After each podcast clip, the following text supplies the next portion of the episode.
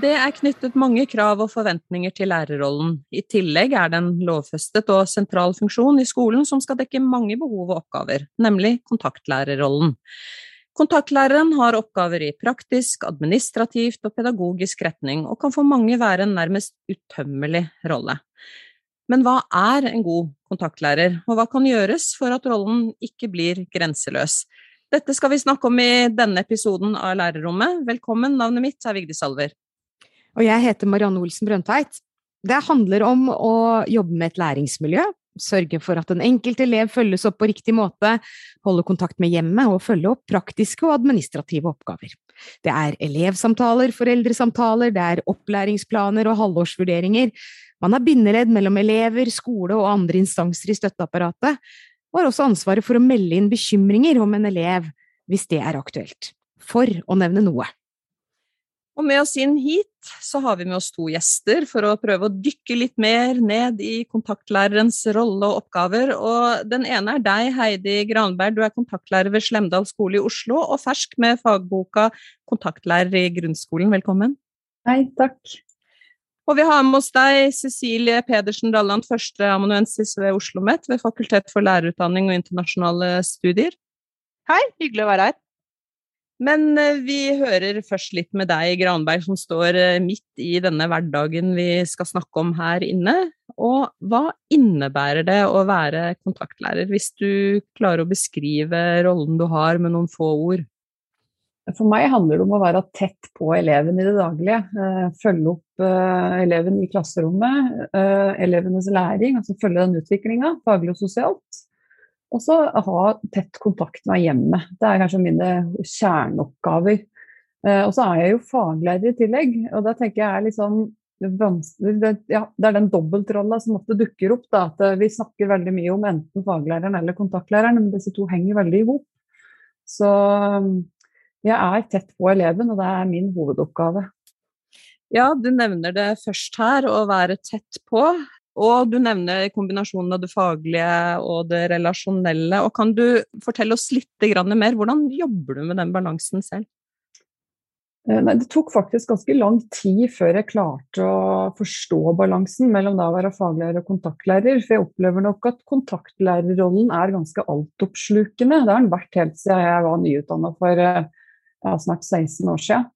Sånn at det, er, eh, det, det, tar litt tid for å forstå hvilke oppgaver som hele tida må prioriteres. Og der tror jeg på en måte jeg trengte litt hjelp fra kollegaene mine til å forstå at du føler at du må ta det som brenner mest, men noen ganger så kan du legge det bort. Så for min del handler det om å velge de oppgaven som hele tida handler om elevens eh, trivsel og læring. Og så legger jeg det andre kanskje litt på vent, hvis jeg kan det. Men så er det òg ekstremt viktig å være godt forberedt i klasserommet. Sånn at før jeg går inn i klasserommet og skal møte elevene mine, så må jeg være faglig forberedt, og jeg må være forberedt på uh, hvor elevene mine er i, i, både læringsprosessen og i seg sjøl egentlig hver dag. Sånn at jeg får jo, allerede, jeg får jo faktisk liksom noen nye svar i det jeg står i døra på morgenen og møter elevene mine, for da kan det dukke opp noen nye elementer som jeg må ta hensyn til den dagen, og som gjør at jeg må kanskje endre det kan være alt fra en liten konflikt eller eh, at en elev er i dårlig form, eller, eller at de ikke har gjort leksa si, rett og slett, som gjør at ting må endres. Mm. å være godt forberedt og kjenne elever er viktig.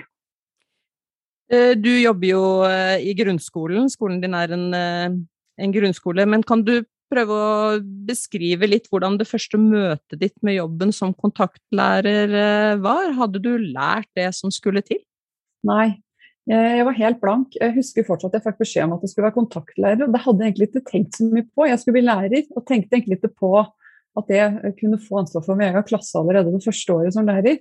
Så jeg fikk den beskjeden, og jeg skulle jobbe på en veldig liten distriktsskole. Så fikk jeg veldig lite klasse, men det var sånn wow, hva gjør jeg nå? Og følte at jeg hadde veldig lite med meg fra lærerutdanninga eh, den gangen. Eh, sånn at jeg var prisgitt å ha noen kollegaer som eh, hjalp meg inn i det. Og det første møtet var altså overveldende. Det var så mange arbeidsoppgaver jeg ikke hadde tenkt eller lært noe om. Bare alt fra det med å organisere et klasserom til gjennomføre mitt første foreldremøte liksom etter 14 dager i ny, i ny og fersk lærerjobb. Det var, eh, det var en altoppslukende følelse. Mm. Så det var liksom en sånn, Jeg beskriver det litt i boka mi òg. En vegg av eh, oppgaver som skal gjøres. Så står du der og føler deg litt blank. Mm. Mm altoppslukende brukes eh, her, eh, Cecilie Pedersen Daland, for å se litt nærmere på denne rollen og betydningen den har for elevenes eh, skolegang. Hvor forberedt vil du si at studentene ved lærerutdanningene på denne oppgaven er etter endt utdanning i dag? Eh, nei, de møter nok dette, dette praksissjokket, de òg. Selv om vi prøver å forberede de best mulig på det. Eh, nå har vi jo to utdanninger hos oss. Vi har på en måte denne 1-7-utdanningen, eh, og den som går fra 5 til 10. Og de blir på en måte det vi kaller faglærere, som Heidi snakka om i stad. ikke sant? Mm. Men de kan også bli kontaktlærere. Eh, men eh, det vi gjør, er at vi har De er jo praksis ute i skolene. Og så har vi noen ting som de må på en måte ha vært igjennom. Det ene er f.eks. at de må ha vært igjennom det å være med på et foreldremøte. Planlegging og gjennomføring av et foreldremøte. Mm. Eh, de skal være med på en elevsamtale. De skal gjennomføre en egen elevsamtale med en elev. Og da tar vi selvfølgelig elever det, ikke er, som ikke er i sårbare situasjoner, altså som går på det faglige. Vi må jo være litt forsiktige med hva vi gjør også i praksis.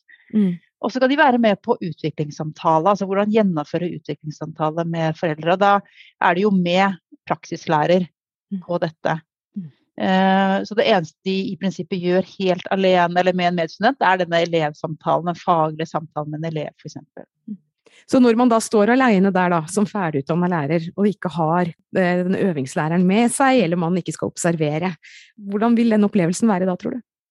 Nei, det kommer jo helt an på, an på den nyutdannede læreren, da. Mm. Vi gjør det vi kan. Eh, og samtidig så har vi jo en del skoler ute nå som har disse mentorordningene. Altså en, en, mer, altså en lærer som har vært i gamet lenge, eller iallfall delvis lenge, som, som, får en sånn mentorrolle overfor nye lærere som blir ansatt på skolen. Så jeg tror det er en veldig lur ordning som gjør overgangen fra å på en måte være student til å bli lærer og få ansvar for mange barn eh, enklere. Så det vil vi jo på en måte si at kan være viktig for alle mm. skoler å ha. Mm. Og jeg har jo vært i den, jeg husker jo selv praksissjokket jeg fikk da jeg kom ut som lærer i 1998, liksom, som begynner å bli en mannsalder siden. Hvor vi ikke hadde mentoringsordninger, men vi hadde en del og det var helt ny skole, men vi hadde en del eldre lærere både i alder og i erfaring som hjalp oss litt når vi på en måte sto der med IOP-er mm. og altså, alt vi egentlig ikke skjønte hvordan vi skulle ta tak i. Mm. Men hva slags forskning har man da på å lene seg på for å beskrive kontaktlærerrollen og utfordringene, og også løsningene som finnes? Du nevner jo noen gode praksiser her. Man ser jo kanskje mer på god undervisning og sant, hva som foregår i klasserommet og sånn. Men klart at det er jo forska en del på relasjoner, og hvor viktig en relasjon er for, både, altså for elever og elevers læring. Og det er jo sånn, Rita Pearson, fra, som er en sånn kjent eh, lærer i USA, sier jo det at det, altså, elever lærer jo fra folk de ikke liker. Ikke altså, du må ha en relasjon i bånd, og du må ha en trygghet i bånd for å skape læring i klasserommet. Og ikke bare læring, men også et trygt sosialt miljø. Mm. Så, så, så, relasjon, altså god, og det heter lærer-elev-relasjon fordi læreren er ansvarlig for denne relasjonen, eh, er noe av det viktigste. Og det jobber vi mye med på vår utdanning eh, og har, og har eh, fokus på. Ja, relasjoner var jo du også aller først innom her, Granberg. Og vi har også vært innom alle oppgavene som ligger i kontaktlærerrollen. Og i boka di så lister du opp en slags stillingsbeskrivelse, og den går over hele tre sider. Og den er det, den er det veldig lett å bli relativt mentalt andpusten av. Blant annet står det om tverrfaglige møter, individuelle opplæringsplaner, årsrapport rapporter, samtale med ledelsen, elevens psykososiale miljø, samarbeid med hjemmet, utviklingssamtaler, elevsamtaler, aktivitetsplikten og nesten en hel side med oppgaver som også sjelden nevnes, som vaktmesteroppgaver, spising med elevene og IKT-arbeid. Oh, nå ble jeg andpusten. Og i hvilken grad er det mulig å følge opp alle disse oppgavene? Nei, det er ikke det på 45 minutter hvert fall, som jeg i utgangspunktet har til å gjøre de oppgavene. Det er, det er ganske hektisk. og da jeg eh, skulle begynne å skrive denne boka, her, så leita jeg veldig at finnes det stillingsbeskrivelser for en kontaktlærer. Det var jeg litt nysgjerrig på. Og der var det tilnærmet umulig å oppdrive. Så det, det, er i hvert fall ingen offentlig, da, som jeg kan, jeg kan, si det på den måten. Så det var vanskelig å finne. Og jeg ville laga min egen. Og jeg har faktisk fått melding nå i etterkant av en lærerstudent som er inne i tidlig i løpet, som hadde lest denne her og var veldig takknemlig for at det var en ærlig beskrivelse av hva jeg kunne forvente. Eh, og, og på en måte dette er det ingen snakker noe om. At det er mange arbeidsoppgaver. Men det som på en måte også er viktig for meg å få fram, er at du klarer å navigere deg gjennom det hvis du har sånn som Cecilie snakker om en mentorordning, og hvis du har verktøy og rammebetingelser som gjør at det er mulig å håndheve rollen. Så for min del så handler det om at du må lære deg å på en måte prioritere og så satse på den relasjonen tror jeg er, skaper et viktig fundament i lærerrollen. Og så, så, så, vil alt dette andre komme litt etter hvert. Men det handler om å lære seg å sette grenser for seg sjøl, og så finne ut på en måte hva som er viktigst der og da. Men jeg tror nok eh, Jeg hører òg på lærerstudentene nå at de er bedre forberedt enn jeg var for 16 eh, år siden. Eh, så at mm. lærerutdanningene har gjort en god jobb her, er det ingen tvil om. Men jeg tror fortsatt det er mer å hente. Og jeg tror på en måte de lærerstudentene jeg snakker med i dag, beskriver her at praksisen i dag er så kort at det gir bare øyeblikksbilder. Sånn at det, det å være med en kontaktlærer over tid da, er på en måte Kunne man sett litt på den, det første læreråret Eh, kunne det ha vært noe mer praksis, og at den sikra at grunnskolelærerstudenter faktisk fulgte en kontaktlærer? Eh, det er noen sånne små grep som jeg tror kanskje kunne ha vært nyttig for å se videre på. Da. Fordi eh, jeg tror det er vanskelig, uansett hvor mange bøker vi har eller hvor gode lærerutdanninger vi har, å fullt og helt være forberedt på den rollen. Det er, det er, så ærlig skal jeg være. Ja, Pedersen Dalland, hva vil du kommentere til dette? Jeg er helt enig, og jeg er veldig glad for boka til, til Heidi, som, eh, som, gir et bilde, og som på en måte er praksisnær. praksisen her. altså Man får et, et sånn praksisbilde av hvordan det er å være lærer, og gode tips og, og sant, hva kan man forvente, og hvordan kan man løse eh, utfordringer. Man er aldri helt forberedt. Men det man kan tenke også, som jeg ikke har sagt noe annet sted, men det er liksom mer et slags turnusår, altså et sånt mentoringsår, som er det første året når du er ute Eh, som lærer på en skole i mer organisert form. Hvor du eventuelt er to lærere sammen med én. Altså sånn, altså hvor du blir med og blir måte, tatt inn i, i, dette med kontaktlærerrollen. Da. Mm. Men eh, vi snakker om prioritering her, eh, Heidi Granberg, og du snakker jo om det relasjonelle. Eh, og hvis vi snakker om de fremste, fremste, kjerneoppgavene for en kontaktlærer, er det full enighet om disse? Er dette noe du har diskutert med kollegene dine også? Ja, jeg tror det er på ukentlig basis vi, vi, snakker om de oppgaver vi har i hverdagen. Og jeg tror eh, jeg, jeg, tror jeg kjenner en lærer som ikke mener at relasjonen til elever er liksom det viktigste. Men så tror jeg òg det er viktig å få fram at den klasselederbiten òg, eh, uten tydelig struktur og tydelig ledelse i klasserommet, så blir det òg vanskelig å skape en god relasjon. For elever trenger å være trygge på læreren sin og vite hvor læreren er, og hvor de har læreren, og hva slags grenser læreren har. Sånn at det er veldig mange ting som henger i hop her. Og jeg hadde heller ikke vært en god lærer uten et godt samarbeid med foreldra. Fordi de må ha tillit til at jeg hele tida vil deres barns beste. Og når jeg fatter valg og beslutninger i hverdagen, som er ganske mange, så er det ikke alltid jeg kan gjøre alle til laks med det avgjørelset jeg skal ta. Eh, noen ganger gagner det flertallet og ikke enkelteleven, eller motsatt. Mm. Og uten tillit fra foreldregruppa da, så blir det veldig vanskelig. Så å satse på relasjoner både mot eleven, til foreldre og til dine egne kollegaer, tror jeg på en måte er en nøkkel da, i rollen. Men uten uh, ledelsesstruktur eller gode faglige forberedelser, så vil du òg på en måte slite litt. sånn at det er, det er et, på en måte et spekter av ting som må være på plass. Ja, det er et spekter av ting, og noe annet av det du nevner er jo også arbeid med forebygging i klassen og elevenes psykososiale miljø, og det er jo et ansvar som ligger på alle ansatte ved en skole, og ikke bare på kontaktlæreren. Og i hvilken grad kan vi også snakke om at byrden ved en kontaktlærerrolle avhenger av hvordan skolen som helhet tenker rundt dette? Nei, Det tror jeg er veldig viktig at du trekker fram. For uh, ansvaret for elev- og psykososiale læringsmiljø tror jeg er den oppgaven jeg syns har vokst mest de siste åra i rollen. Der ansvaret kjenner jeg veldig på til enhver tid, og jeg føler vi strekker oss veldig langt for å få det til òg.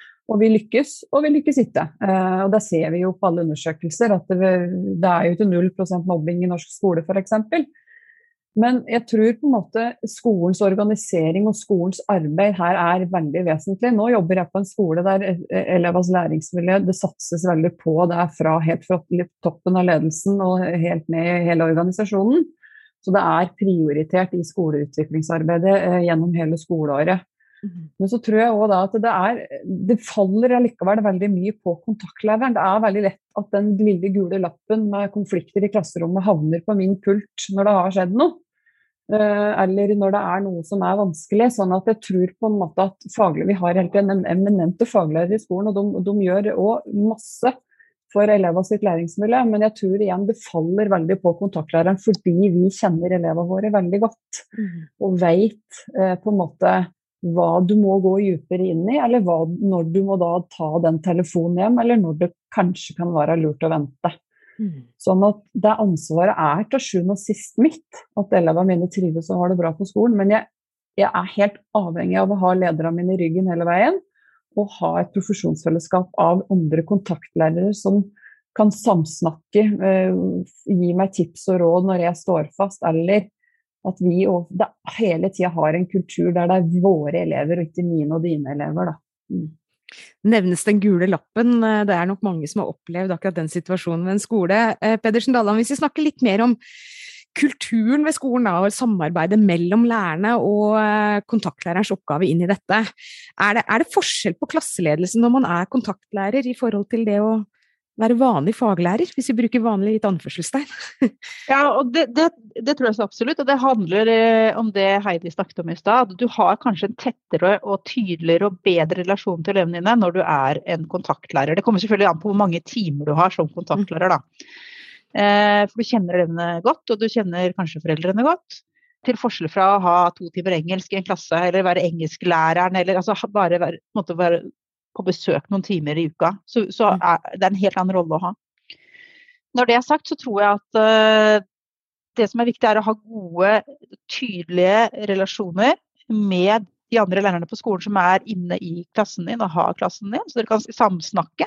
Det kan være at du er bekymra for en elev, og hvordan er denne eleven i dine timer. Men det er ekstremt viktig å ha en tydelig ledelse som, som, viser hva er visjonen for vår skole, hva er det vi vil ha fram. Hvordan skal vi jobbe med psykososialt uh, skolemiljø og klassemiljø på vår skole. Hva er det vi vil ha i front, hvordan skal vi samsnakke dette på, på, på møter, personalmøter. Uh, og ha den tydelige ledelsen som overordna For det, da kan man ja, sammen trekke i riktig retning, eller sammen trekke mot det vi ønsker å oppnå. da. Mm. Men kontaktlærer er jo på en måte en rolle som også er lovfesta fra barnetrinn til og med videregående.